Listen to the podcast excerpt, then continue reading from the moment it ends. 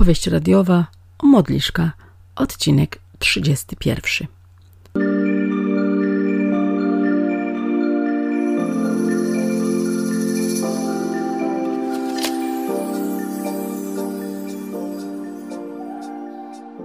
Ranek przywitał Weronikę bólem głowy.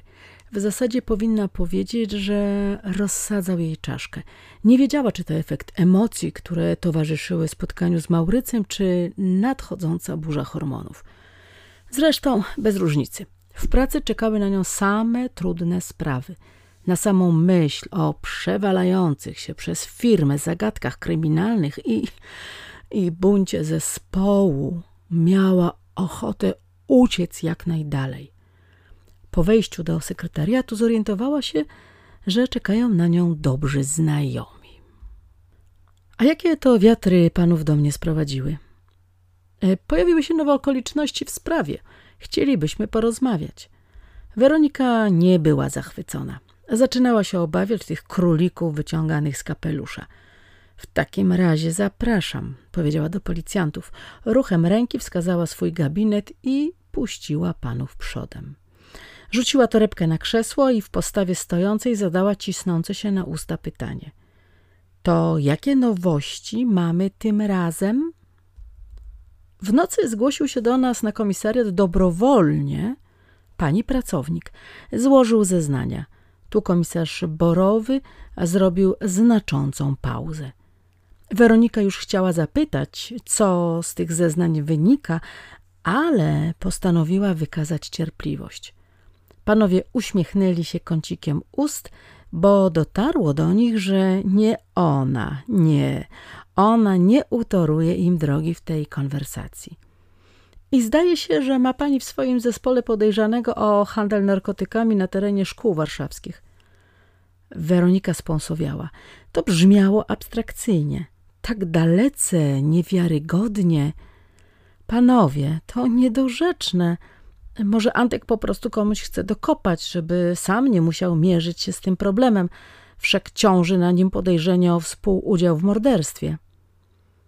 Zdaje się, że ten zarzut jest nieaktualny. Za to udział w grupie przestępczej, pani Weroniko, niestety jest faktem. Weronika zdjęła torebkę z fotela i usiadła ciężko za biurkiem. Na miłość boską, czego ona jeszcze dowie się o swoich ludziach – Tyle lat pracowała z cwaniakami i kryminalistami? Chcielibyśmy porozmawiać z dwiema osobami i chcemy, żeby pani przy tym była. Ja? Ale dlaczego? Panowie wymienili spojrzenia. Po prostu chcemy. Weronika poczuła się postawiona pod ścianą. Rozum podpowiadał jej, że i ją ktoś próbuje w coś umoczyć. Kiwnęła głową na zgodę. Nie miała przecież nic na sumieniu, nic. Wiedziała jednak, że zanim prawda zobaczy światło dzienne, to kłamstwo dwa razy okrąży ziemię. To my chcemy w takim razie porozmawiać z panią Anetą Lolip i Mateuszem Sewerynem. Na dźwięk tych nazwisk Weronika pobladła, ale to jej najlepsi ludzie. Ściągnęła ich z poprzedniego miejsca pracy. Byli dopuszczani do informacji, jakich nikt inny nie posiadał – Panowie, ale to... Zawiesiła jednego głos. Chciała im powiedzieć, że to jakaś afera grubymi nićmi szyta, niemniej jednak coś ją powstrzymywało. Y, panowie, y, zaraz zobaczymy, czy są w pracy, bo ostatnie dni spędzili na L4. Na L4? Powiedział Borowy. Oboje w tym samym czasie? To ciekawe. Jakiś chyba wirus tu u pani grasuje i to poważny. Zaczął się śmiać. Weronika drżącą ręką wybrała numer do działu kadr. Upewniła się, czy oboje pozostają nadal na urlopie i pozyskaną informację przekazała policjantom. Aneta zaraz tu będzie.